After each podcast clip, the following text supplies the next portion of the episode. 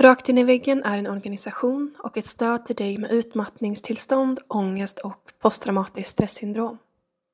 I de här avsnitten, som vi kallar för personlig podd, berättar gästen sin historia utifrån sitt perspektiv och med sina egna ord. Du är varmt välkommen att återkoppla till gästen eller till oss på Rakt in i väggen efter att du har lyssnat på ett avsnitt. Vi hoppas att du får en givande lyssning och tack snälla du för att du tar dig tid att lyssna. Ja. Var börjar man någonstans? Eh, jag kan börja med att tacka för de delningar jag har hört. Och tacka Alexander och Jennifer för att ni gör den här podden. Den har faktiskt hjälpt mig en hel del och jag har lyssnat ganska mycket på den. Eh, och det har Uff. Fan, jag, har lite, jag har lite nervös energi i kroppen. Inte så jättemycket i huvudet, men i kroppen har jag rätt mycket nervös energi just nu. Det har jag inte haft på väldigt länge. Uh, och Jag tror att det betyder att jag är lite nervös för det här. Jag tackade ja till det ganska sent. Jag tackade ja till det idag. Uh, och jag tror att hade svårt att tacka ja till det för att eh, jag vill gärna dela med mig av min historia och varför jag blev utmattad. Men för mig det, var det också väldigt, väldigt traumatiskt. Så att på något sätt är det att tror jag att jag är rädd för att, att, att ta upp det här traumat igen och titta på det. Också på en podd när andra människor som jag inte känner ska lyssna på det. Jag tror att det finns en nervositet i det. Och sen är jag också ganska känslolabil för tillfället så att jag börjar gråta helt plötsligt för, för ingenting. Det, ibland. Det är också något fint i det men eh, när man känner att man inte riktigt kan kontrollera sina känslor så kan det vara jobbigt. Ehm. Men jag ska på något sätt börja från början. Jag vet inte riktigt att jag kan säga att min historia innan, det som gjorde att jag blev utmattad, att det började där. Eh, någonstans är det väl ett mönster och en stress och ett beteende som man har haft länge. Eh, men man måste ändå ta avstamp någonstans och börja någonstans. Och jag tänker att det för mig började när jag eh, flyttade.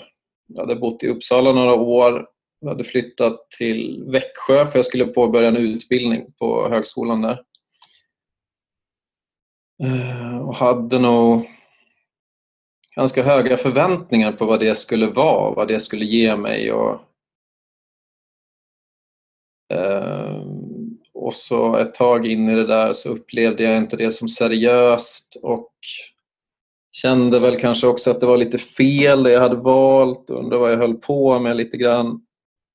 Ehm, och jag var nog van vid att liksom ha mina dagar fullplanerade. Vi hade bara föreläsning två gånger i veckan så helt plötsligt hade jag väl en jäkla massa tid att, att vara på och kanske också känna efter eller upplevde mig själv som väldigt rastlös. Eh, så att jag fyllde all den tiden ganska snabbt med att jag sökte olika extrajobb. Och,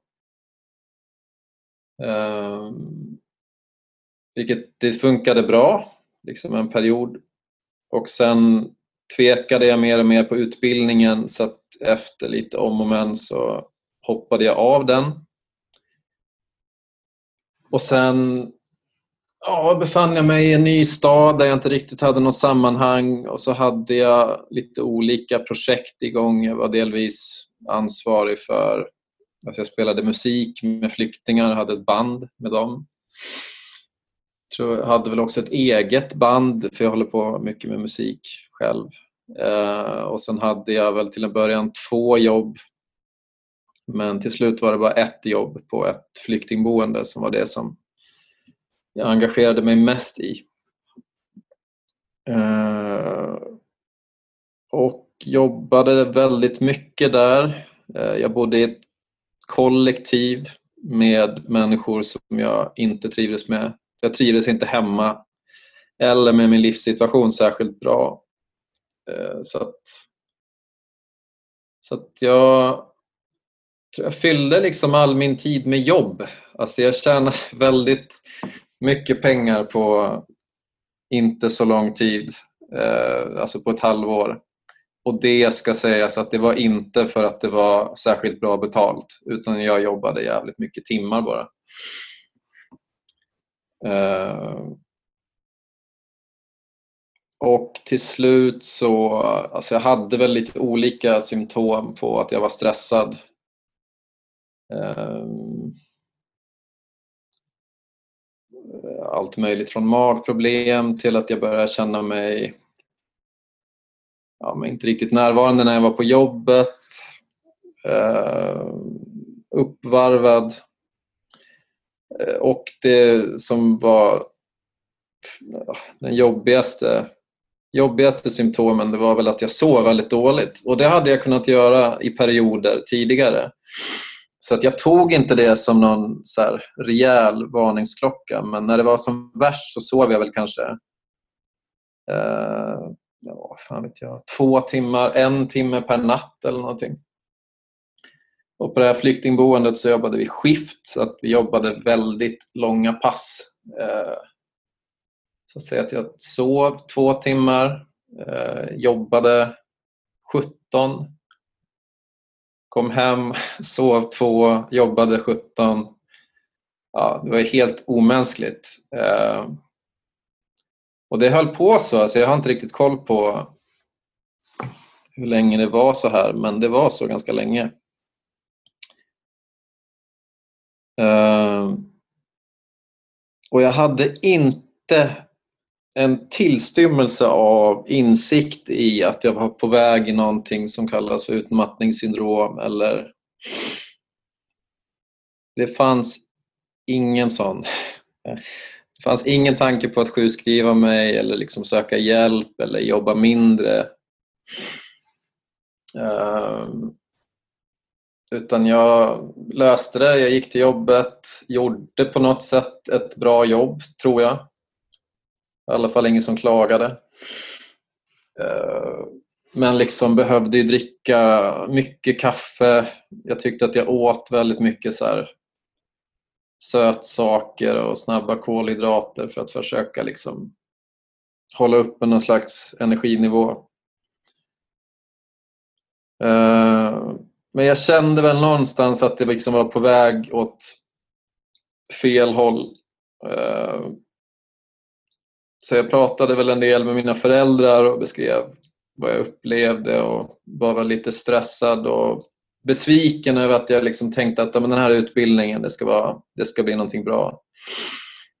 Och så blev det inte det och så visste jag väl kanske inte riktigt vad jag skulle göra då istället. Um, så jag jobbade väl där under sommaren också på något jävla vänster. Um, mer än heltid jobbade jag garanterat. Hade nog inte något sommarlov. Och sen, eh, jag kommer från Uppsala så att jag bestämde mig till slut för att inte återvända till Uppsala men för att flytta till Stockholm och så skulle jag läsa någon kurs där på högskolan och göra något sommarjobb. Så jag flyttade upp dit och skulle dela lägenhet med någon tjej som jag hade hittat. Eh, och de förutsättningarna var väl inte jättedåliga egentligen. Men inga förutsättningar, eller jag vet inte, man kan byta miljö hur många gånger man vill men om man mår så pass dåligt som jag någonstans gjorde och hade pressat mig så hårt som jag gjorde så spelar ju sådana saker ingen roll alls. Eh, så att Eh, efter det där sommarjobbet som jag hade sökt upp i Stockholm innan jag skulle börja plugga. Det var också helt omänskligt egentligen. Men att jag tog det sommarjobbet alltså. Eh, så fick jag väl ja, jag vet inte vad man ska kalla det riktigt, eh, ge upp. Så jag stannade inte i Stockholm utan jag flyttade hem, inte till mina föräldrar men till en god vän som bor nära en av mina föräldrar. Och det var nog där som det... Ja, om man skulle säga något tillfälle där jag gick in i väggen där det vände till en nedåtgående spiral eh, så var det väl då egentligen. Eh, eh, ja, jag var otroligt uppvarvad.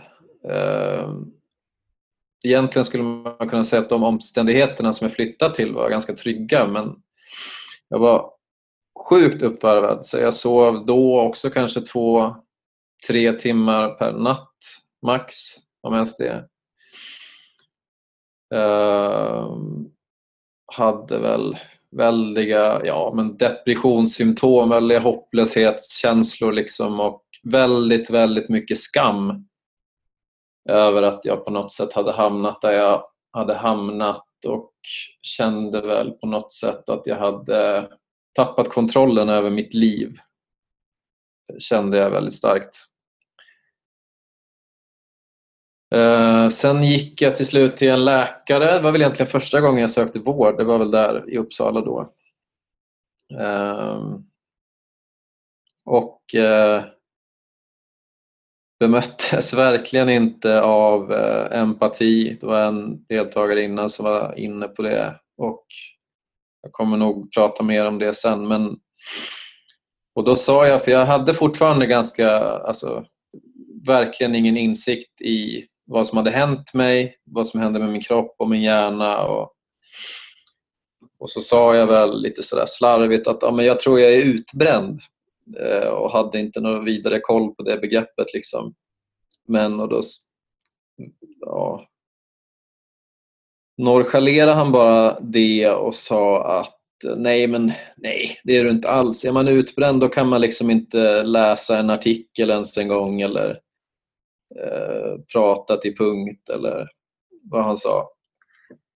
Och jag visste ju ingenting. Jag tänkte att ja, men han är ju läkare så att han, han har väl koll på det där. Så att, eh, jag gick därifrån eh, och tänkte att ah, nej, då var jag inte det heller. Vad är det då för, vad är det för fel då? Eh,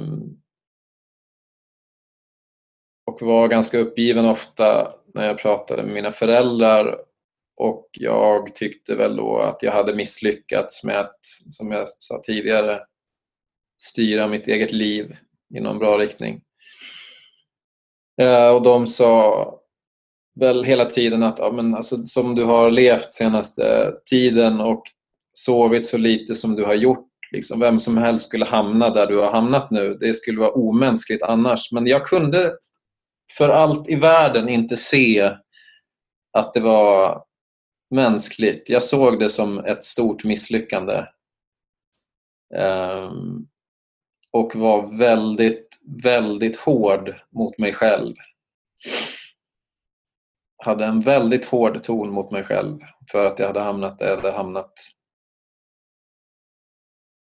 Um, ja, till slut hamnade jag... Jag ska försöka inte göra det här i för mycket så här, kronologisk ordning. Att först händer det och sen händer det. Men vissa saker måste ändå sägas vad som hände för att det ska vara en autentisk berättelse känner jag. Eh, då hamnade jag till slut på en kursgård i, i Värmland som man skulle kunna tänka var ett bra ställe eh, för någon i min situation. Eh, det var en kursgård för personlig utveckling framförallt. Ehm, men jag var inne på det lite innan också att man kan byta miljö men om själen mår dåligt och om man inte ändrar sina beteenden så spelar det inte så stor roll om man är bland palmer på Hawaii eller hemma i regniga Västerås. Men där i alla fall så bodde man där och så jobbade man som volontär några timmar om dagen. Eh, fem timmar tror jag att det var. Eh, och det klarade jag. Jag jobbade i köket. Eh, och det hade nog kunnat vara en bra plats för mig att läka på om jag hade mer insikt i vad som hade hänt mig. Men det hade jag inte. Så att jag fortsatte ju med att på något sätt pressa mig själv även där. Ehm, och såg ganska snabbt till att jag skulle jobba liksom fler timmar i köket och tog på mig olika projekt som jag kunde göra där och var ansvarig för olika saker. Och, och det ska sägas att jag kan laga mat hyfsat men jag är ingen kock. Liksom, så det var ju också en ganska stor utmaning. Um, och så var jag där, jag minns inte hur länge jag var där men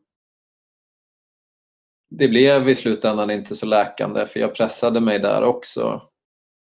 Kom väl lite till insikt men ändå inte.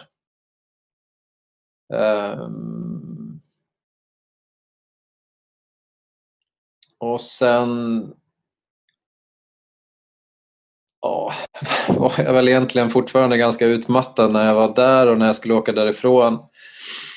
Men jag hade ändå fått för mig att det skulle vara en bra idé att liksom komma ut i verkligheten igen genom att sommarjobba på en restaurang på Gotland.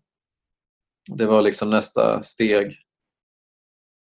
Och Det var ju också, kan jag ju se i efterhand, en riktigt jävla dålig idé för där skulle man ju gå ja, man jobbar ju 10-11 timmar om dagen Eh, jag skulle vara någon slags kockelev där, men det blev inte så. Jag jobbade liksom som de vanliga eh, kockarna och jag var den som förberedde, preppade, preppkock tror jag väl man kallar det.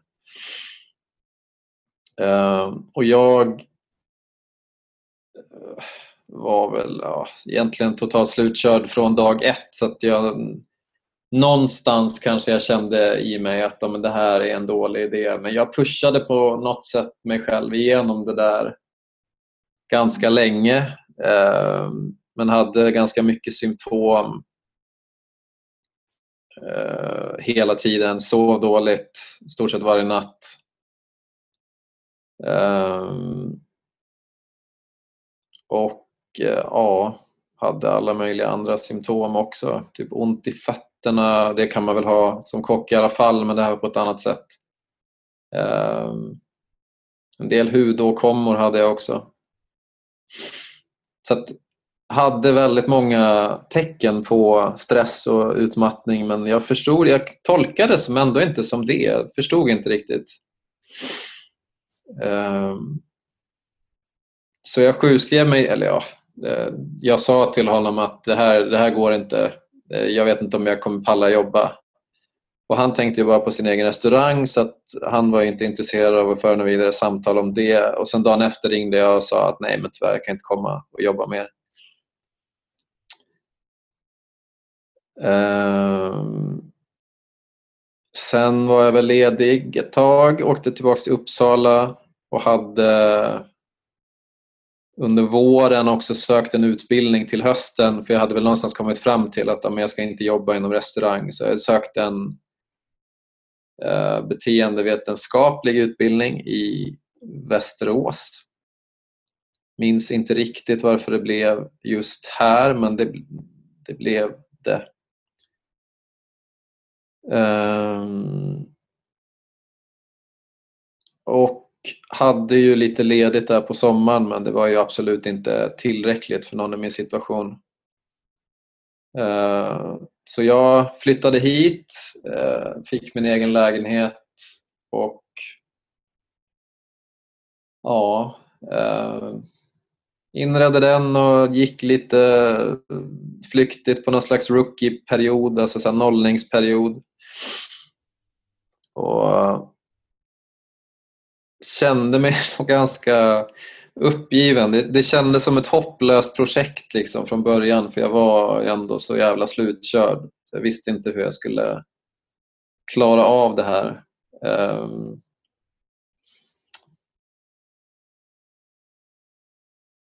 jag tror också nu bryter jag lite min kronologiska berättelse, men jag tror också en rädsla för mig i att dela med mig av den här berättelsen är att jag känner nog fortfarande en del skam. Jag har ingen skam över att vara sjukskriven idag och har inte haft det på ett tag. Men jag känner först fortfarande lite skam över min berättelse. Över att jag känner att ja men fan, det kunde du väl förstå innan. Eh, att det där var en dålig idé eller att det där var en dålig idé eller eh, Ja, jag skulle bara flika in det, det var något som dök upp. Vad var jag? Jo, jag hade flyttat till Västerås och började plugga och eh, började söka lite hjälp här för jag förstod ju ändå att någonting inte var, stod rätt till. Det visste jag ju ändå någonstans. Eh, men kunde på något sätt inte diagnostisera mig själv med utmattning. Jag hade väl varit deprimerad lite någon gång till och från. Jag har haft sådana liksom depressiva tendenser. Eh, så jag tänkte väl att det var det. Och när jag hade haft det tidigare så hade jag ju liksom löst det genom att aktivera mig mycket, att träna mycket. Och... Så jag gjorde ju det ganska mycket, någon slags beteendeaktivering och det är ju inte det en utmattad ska göra. Så det har jag också förstått i efterhand att det var ju också fel. Um, Först fick jag någon kurator på någon vårdcentral som inte tyckte gav så mycket. Och efter några om och men så hamnade jag i psykiatrin.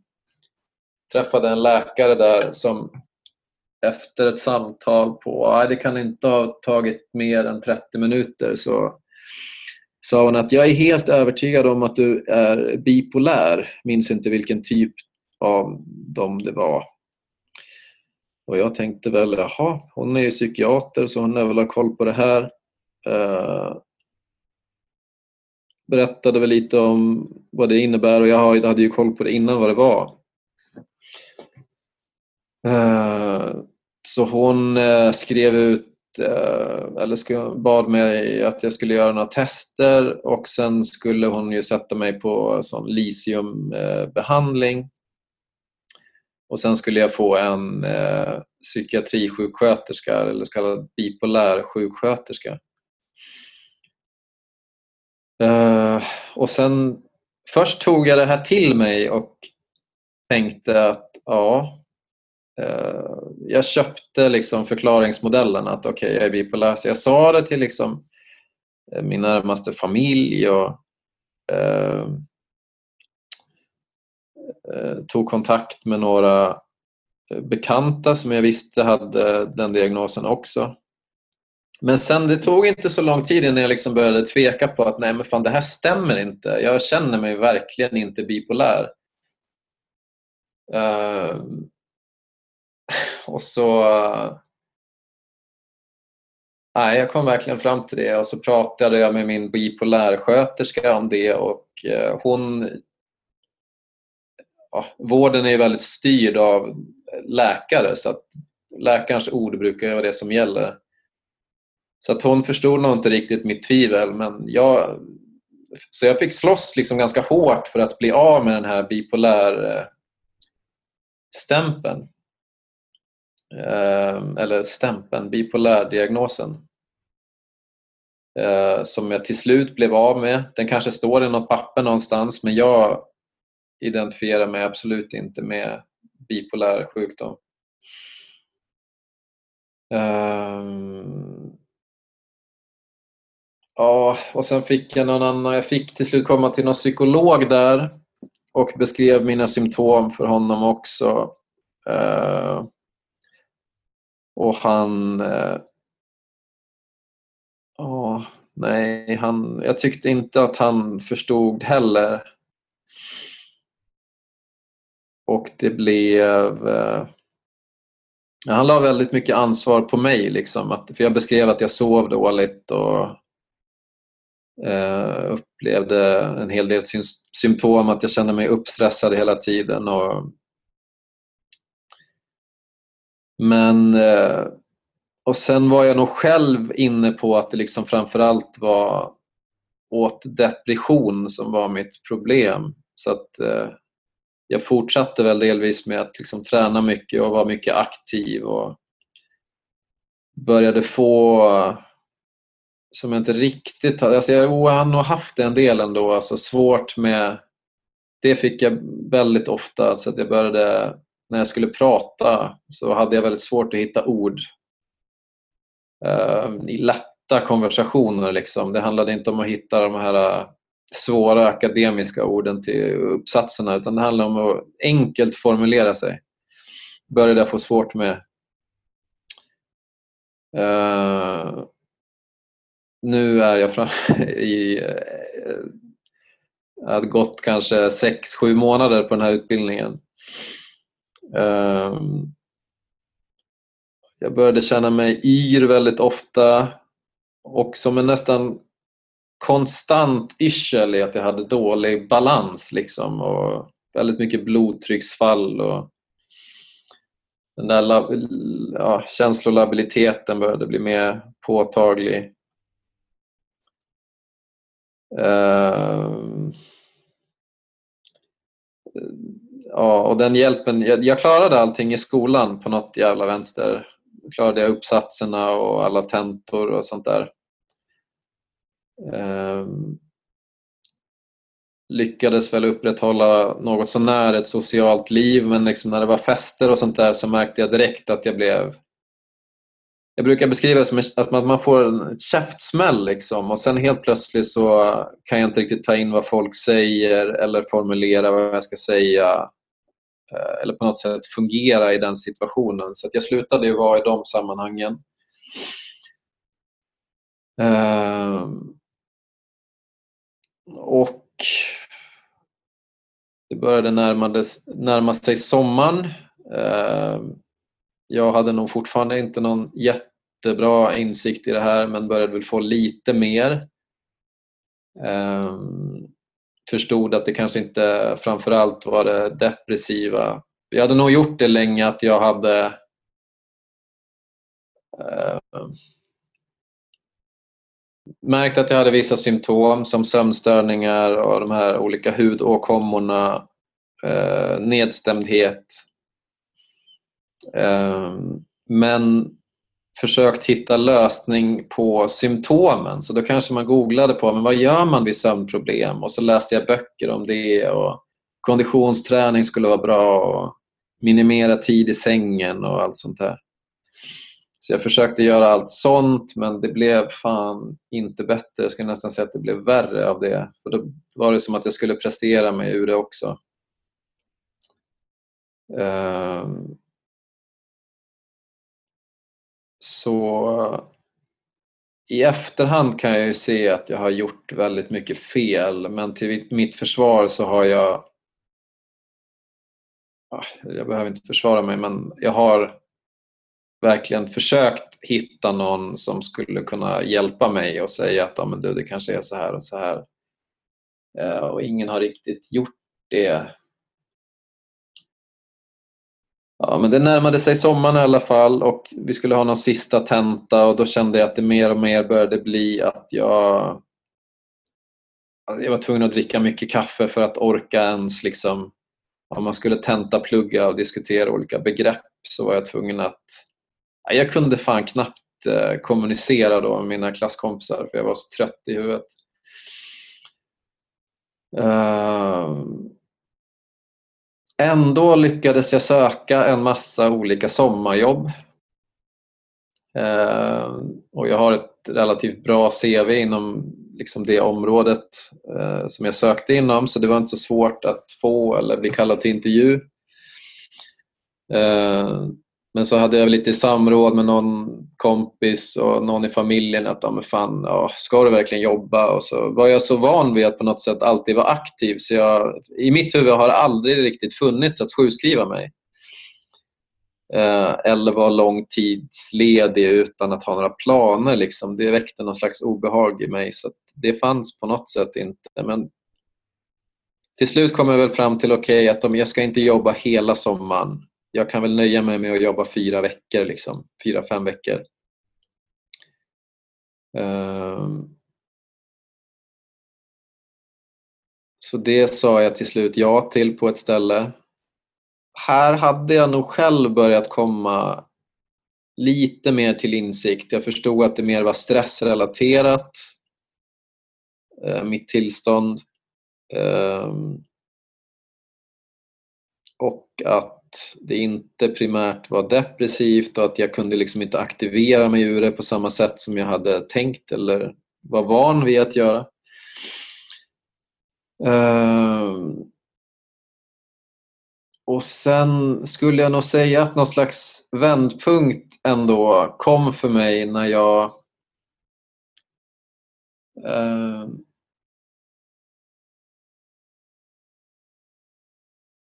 verkligen fick tid att tänka och förstå vad som hade hänt mig. Jag pratade mycket med min eh, syster om eh, min situation och vad jag hade varit med om och vad jag upplevde. Och hon var också sjuk i något liknande så att vi hjälpte varandra mycket och har fortsatt göra det. Eh, så då var det som poletten trillade ner och jag förstod hur mycket stress jag hade varit utsatt för. Eh, att det var en typ av utmattningsdepression som jag hade hamnat i när jag var på den här kursgården. Jag vet inte om jag nämnde det, men jag var väl jag skulle säga att jag var djupt deprimerad under hela tiden jag var där och sen lyfte det väl delvis efter ett tag att jag hade varit i Västerås. Eh, men här under sommaren, då kände jag mig inte deprimerad egentligen. Nej, det gjorde jag inte. Då kände jag mig bara totalt jävla utslagen. Alltså. Ehm, och började lyssna på väldigt mycket poddar om andra som hade bränt ut sig. Eh, kände igen mig i deras historier och min känsla av skam som jag liksom hade burit på ganska länge började också lätta i och med att jag eh, hörde andras historier. Eh, och förstod att det var väldigt många andra som hade gjort som jag och som de också uttryckte att ja, men i backspegeln kan jag ju se att det var ofrånkomligt att jag skulle hamna där jag hamnade. Eh, jag kunde också börja förlåta mig själv för att jag på något sätt hade upprepat samma sak flera gånger med att liksom pusha mig själv. För att det var det jag var van vid att göra. Eh, så att eh, Så att där i somras var det eh, som det blev någon slags genombrott och började också få en snällare ton mot mig själv kände jag. Att började lyssna mer till mina behov och förstå att, att det här kommer ta tid sjönk nog in först då nästan två år efter jag liksom gick in i väggen ordentligt första gången. Um, och uh, sommaren började, ja, jag vet inte vad som hände med sommaren. Jo, det som hände var Eh, att jag hade ju fortfarande sagt ja till det där jobbet eh, och det var ju ett heltidsjobb också med skiftarbete så att jag insåg efter ett tag att fan, jag måste tacka nej till det där. Alltså. Eh, och tidigare så hade jag sett det som ett otroligt nederlag. Som ett misslyckande skulle jag nog ha kallat det för mig själv eller om jag hade pratat med någon kompis. Men det här att tacka nej till det här jobbet och istället prioritera min hälsa, det blev någon slags vändpunkt för mig för jag kände att jag för första gången på väldigt, väldigt länge prioriterade min hälsa före prestation. Ehm, så att det blev någonting som stärkte mig på något sätt och det blev också någon början till eh, något nytt. Eh, Och jag kommer ihåg att jag sa det till, jag vet inte om det var någon kompis eller till min syster att fan, jag måste ju sätta hälsa före prestation. Som att det vore någon så här, äh, vetenskaplig upptäckt. Liksom. Det skulle ju vara en självklarhet egentligen, men det hade verkligen inte varit det för mig. Ehm. Och sen äh, närmade sig höstterminen och jag började också inse att ja, det här med att det skulle ta tid, det är nog längre än ett sommarlov vi snackar, började jag också förstå. Så att jag var nog ganska säker på att jag inte skulle klara av att plugga under hösten. Eh, och velade på något sätt lite fram och tillbaka. Men sen när hösten kom så började jag väl lite grann eh, men kände att nej, alltså det här... Ja, jo, jag insåg också där att det är en skillnad på att Alltså jag skulle nog ha kunnat klara av den här höstterminen men fan vad jag skulle ha mått dåligt av det. Eh, så jag insåg också att det är en skillnad på att ställa sig frågan, kommer jag klara av det? Eller kommer det på längre sikt vara bra för min hälsa? Det kom jag fram till att det var det är olika frågor. Eh, så att efter ett tag så bestämde jag mig. Jag hade varit till en läkare under sommaren Eh, som inte förstod varför jag skulle vara sjukskriven om jag inte hade något att vara sjukskriven från. Det sa den första läkaren jag träffade i Uppsala också. Han undrade bara varför jag inte hade något jobb och hur jag skulle klara mig. Ehm, men så då gick, fick jag till slut någon läkartid en månad in i mina studier tror jag. Och träffade en totalt osympatisk läkare som för jag hade ju förstått också att jag måste nästintill diagnostisera mig själv eh, med utmattningssyndrom. För ingen annan verkade vara intresserad av att se vad som verkligen var som låg bakom symptomen. Så jag tror jag sa till henne att jag hade jag sa att jag hade utmattningssyndrom eh, och att jag ville bli sjukskriven. Men hon ifrågasatte att jag ville bli sjukskriven och förstod Nej, men hon förstod inte varför jag skulle vara det eh, utifrån det jag berättade. Och jag har märkt att många läkare resonerar så nu för tiden att de om de ska bedöma mig eller en annan patient som frisk, 100% frisk eller om de ska kunna jobba lite eh, så gör de det inte egentligen utifrån vad vad de anser eller vad jag anser utan utifrån vad Försäkringskassan kommer anse om den här personen är frisk eller sjuk eller om den har någon slags arbetsförmåga. Ehm, det har jag märkt flera gånger. Och den här läkaren sa också att ja, men de kommer aldrig godkänna att du ska vara sjukskriven. Och då tänkte jag, nej, vad, vad vill du att jag ska göra då? Eller vad kan jag göra åt det? Liksom? Du får väl försöka övertyga dem. Och då blev jag väl också lite otrygg i att hon verkade ju inte anse mig som sjuk. Och hur, hur skulle då sjukskrivningen gå igenom, kände jag.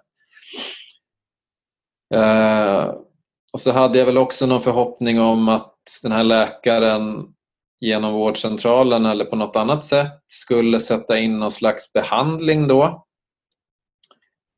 Uh, och det enda hon sa egentligen var att ja, men eh, du borde ju ta antidepressiva och så sa jag nej men jag är inte deprimerad och vid det här laget hade jag läst på väldigt, väldigt mycket om utmattningssyndrom och kanske lite för mycket. Men så, och så sa jag till henne nej men det finns egentligen inget som tyder på att antidepressiva hjälper vid utmattning. Men hon sa ja men Försäkringskassan måste ju se att vi sätter in någon behandling och jag sa, ja men vadå, antidepressiva kan inte vara den enda behandlingen och jag säger dessutom att jag inte är deprimerad. Jag har egentligen inga symptom på depression utan på stress och utbrändhet. Så jag fick, ja, jag är inte emot antidepressiva men de skrivs ut väldigt slentrianmässigt och ibland onödigt. Och jag vill eh, inte prova. Jag har tagit dem tidigare och vet vad det innebär så jag kände att det här var inte ett läge för mig att ta dem så jag tog dem inte.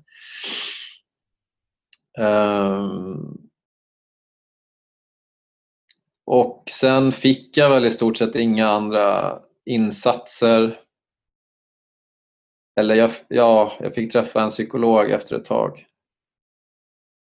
Um,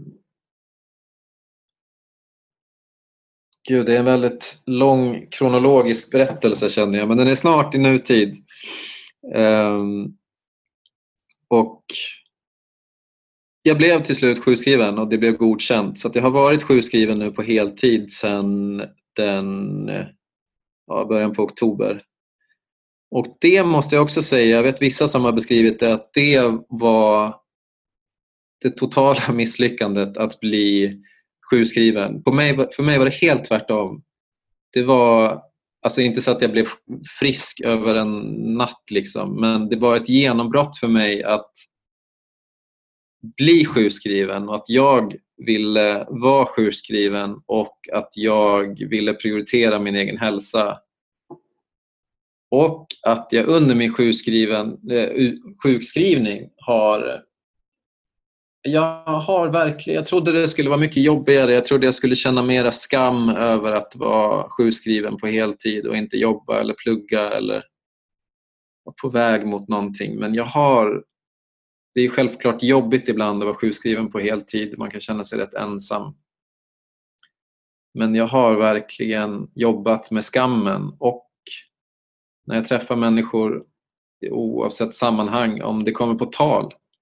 Det är inte så att jag går med en t-shirt där det står att jag är utmattad och sjukskriven men om någon frågar hur går det med skolan? Då säger jag nej men jag är sjukskriven på heltid för utmattning så jag pluggar inte just nu. Dels för att jag känner att det inte ska vara någonting som man ska behöva hymla med och för att jag känner att om inte jag säger som det är då är det som att jag tycker att det är någonting att skämmas för. Och jag tycker inte att det är någonting att skämmas för.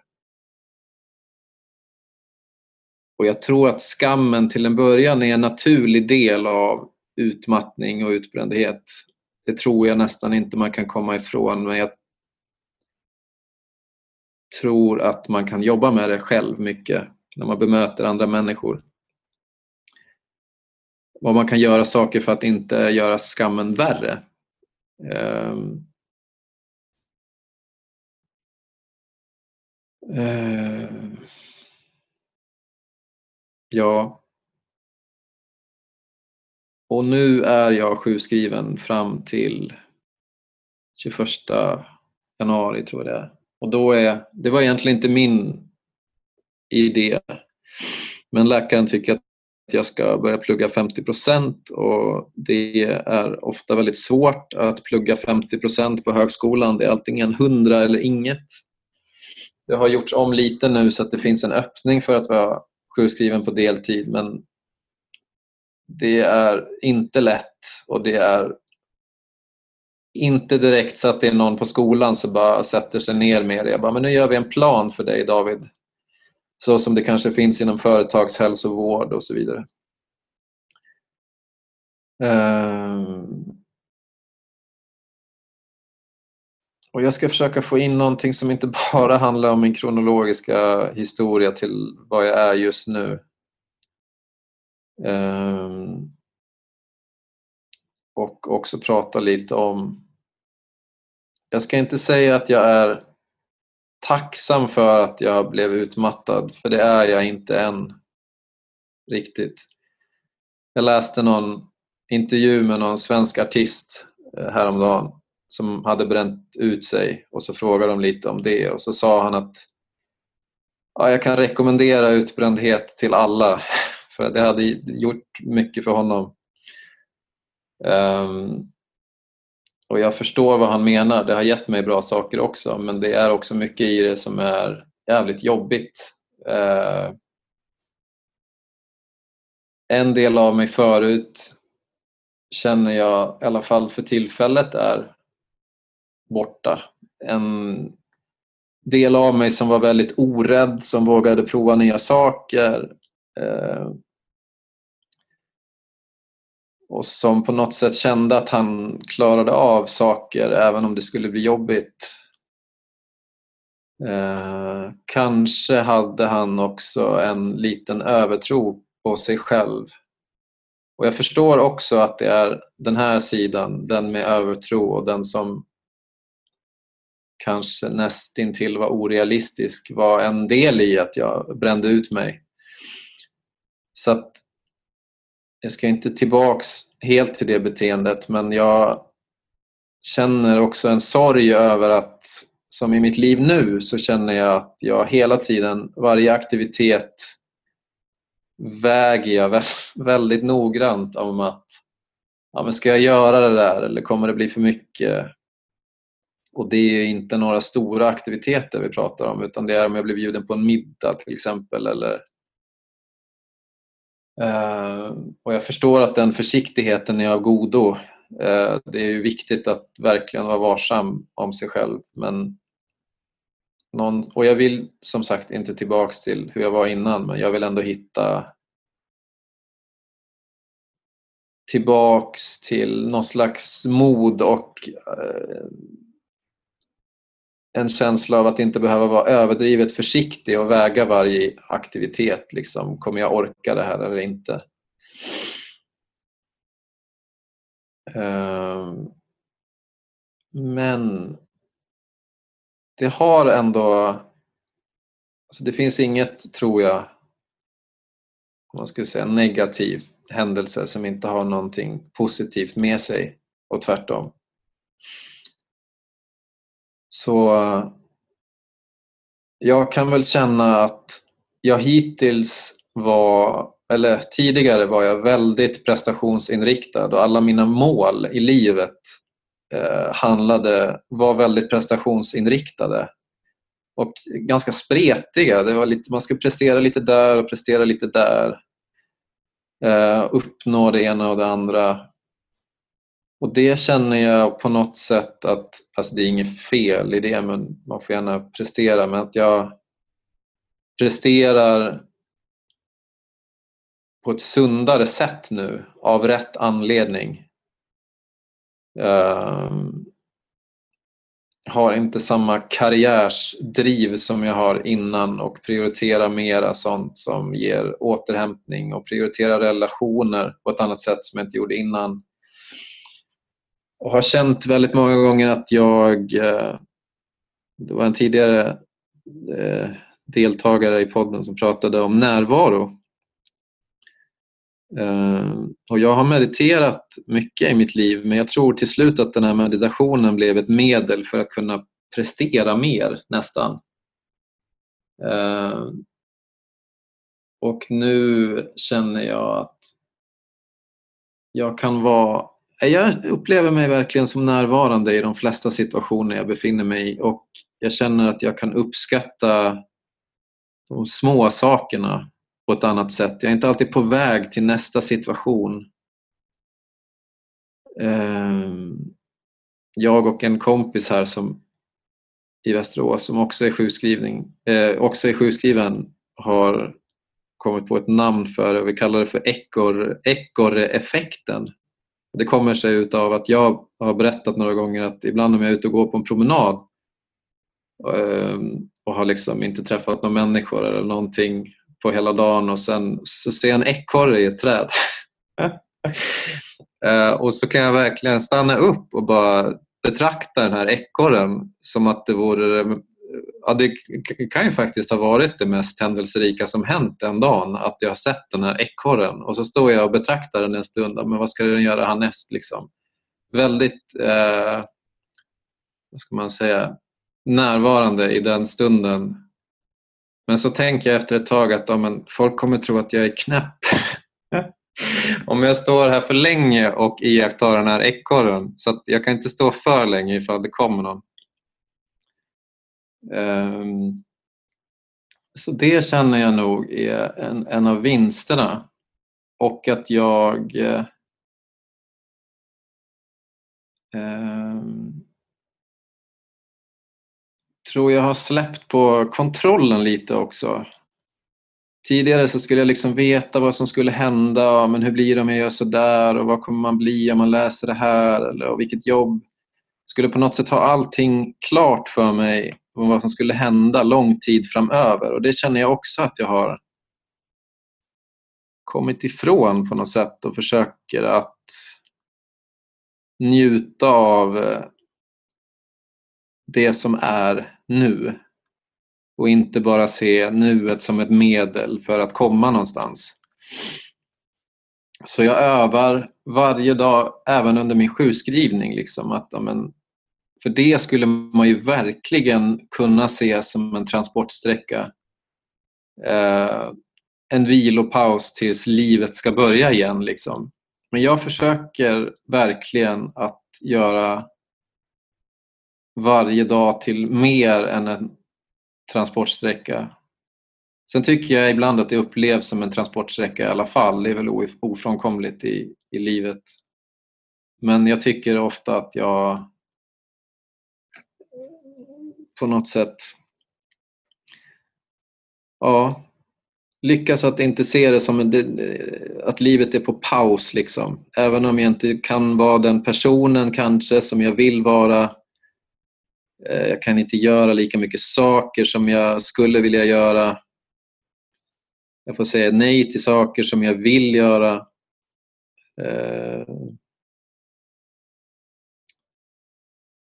och övar hela tiden på att vara snäll mot mig själv och att vara en god kompis till mig själv.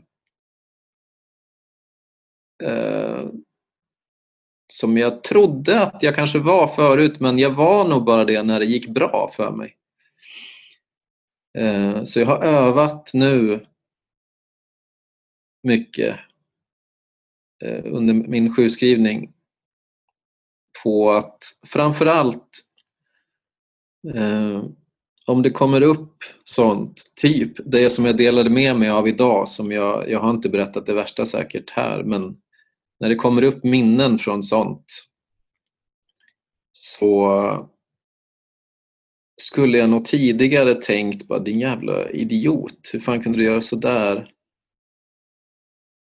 Om det skulle handla om att typ pressa sig själv för hårt eller liknande. Så är jag idag istället direkt nästan förlåtande mot mig själv. Att ah, shit, fan, förlåt att du gjorde sådär mot dig själv. Det var ju verkligen inte bra det du gjorde. Uh... Så det är väl också någonting som jag känner att jag har fått ut av det. Det är ju någonting som man, det är en färskvara absolut. Men något som jag känner att jag kan ha med mig framöver och hela livet. Um, nu känner jag att jag är på väg att runda av. Men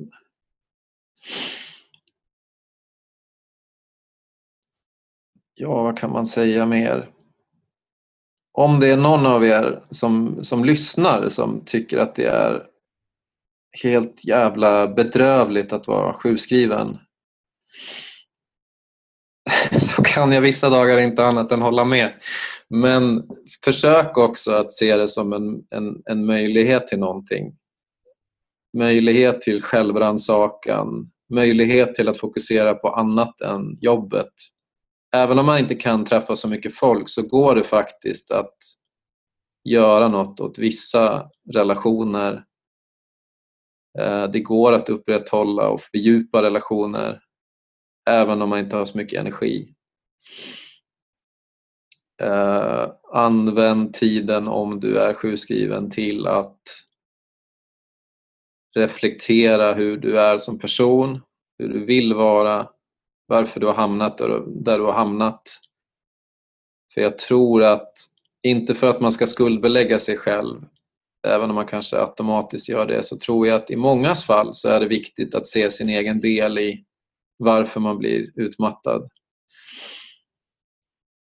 Eh, I mitt fall har det varit viktigt. Det har inte enbart varit en arbetsplats som har gjort det här utan jag har haft beteenden som inte har varit bra. Sen är det omständigheter också såklart.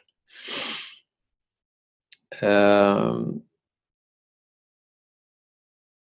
Och vad ska jag mer säga? Jag tycker att jag har försökt att hitta bra hjälp i vården. Eh, försökt hitta, jag har bytt läkare flera gånger och försökt hitta någon som jag tycker har kunskap om utmattningssyndrom. Ehm, men tycker att de flesta jag har mött har verkligen inte kunskap om det här. Så att eh, om det är någon som lyssnar som känner att ni blir dåligt bemötta av vården så tror jag att det är väldigt vanligt att det är så. Och bara för att det är min upplevelse och känsla att bara för att någon har en läkarrock så betyder det inte att de vet vad som är bäst för dig. Det betyder inte att de vet om det är bäst för dig att vara sjukskriven eller inte. Det betyder inte att de vet bättre än vad du är, eh, vad du gör om du är bipolär eller inte. Um, så om, du, om någon säger någonting till dig om att nej men du ska fortsätta jobba eller du ska göra så här eller du måste ta antidepressiva eller vad det än är. Så våga ifrågasätta. Um, många läkare vill också ha tillbaka folk i jobb väldigt snabbt. Eh, som att det skulle vara, det är på ett sätt en del i rehabiliteringen men det, behöver, det ska absolut inte vara steg ett. Och om du verkligen känner att du inte är där just nu så våga ifrågasätta det också. Um...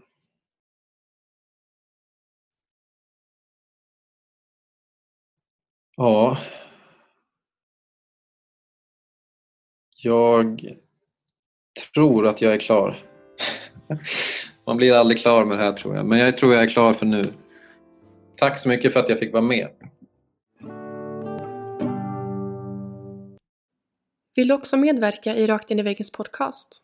Besök vår hemsida för mer information på www.raktinivaggen.com medverkan. Om du vill tipsa oss om en poddgäst eller om du har en fråga eller synpunkt på det vi gör kan du alltid mejla oss på podcast raktinivaggen.com för att få svar. Tack för att du lyssnar!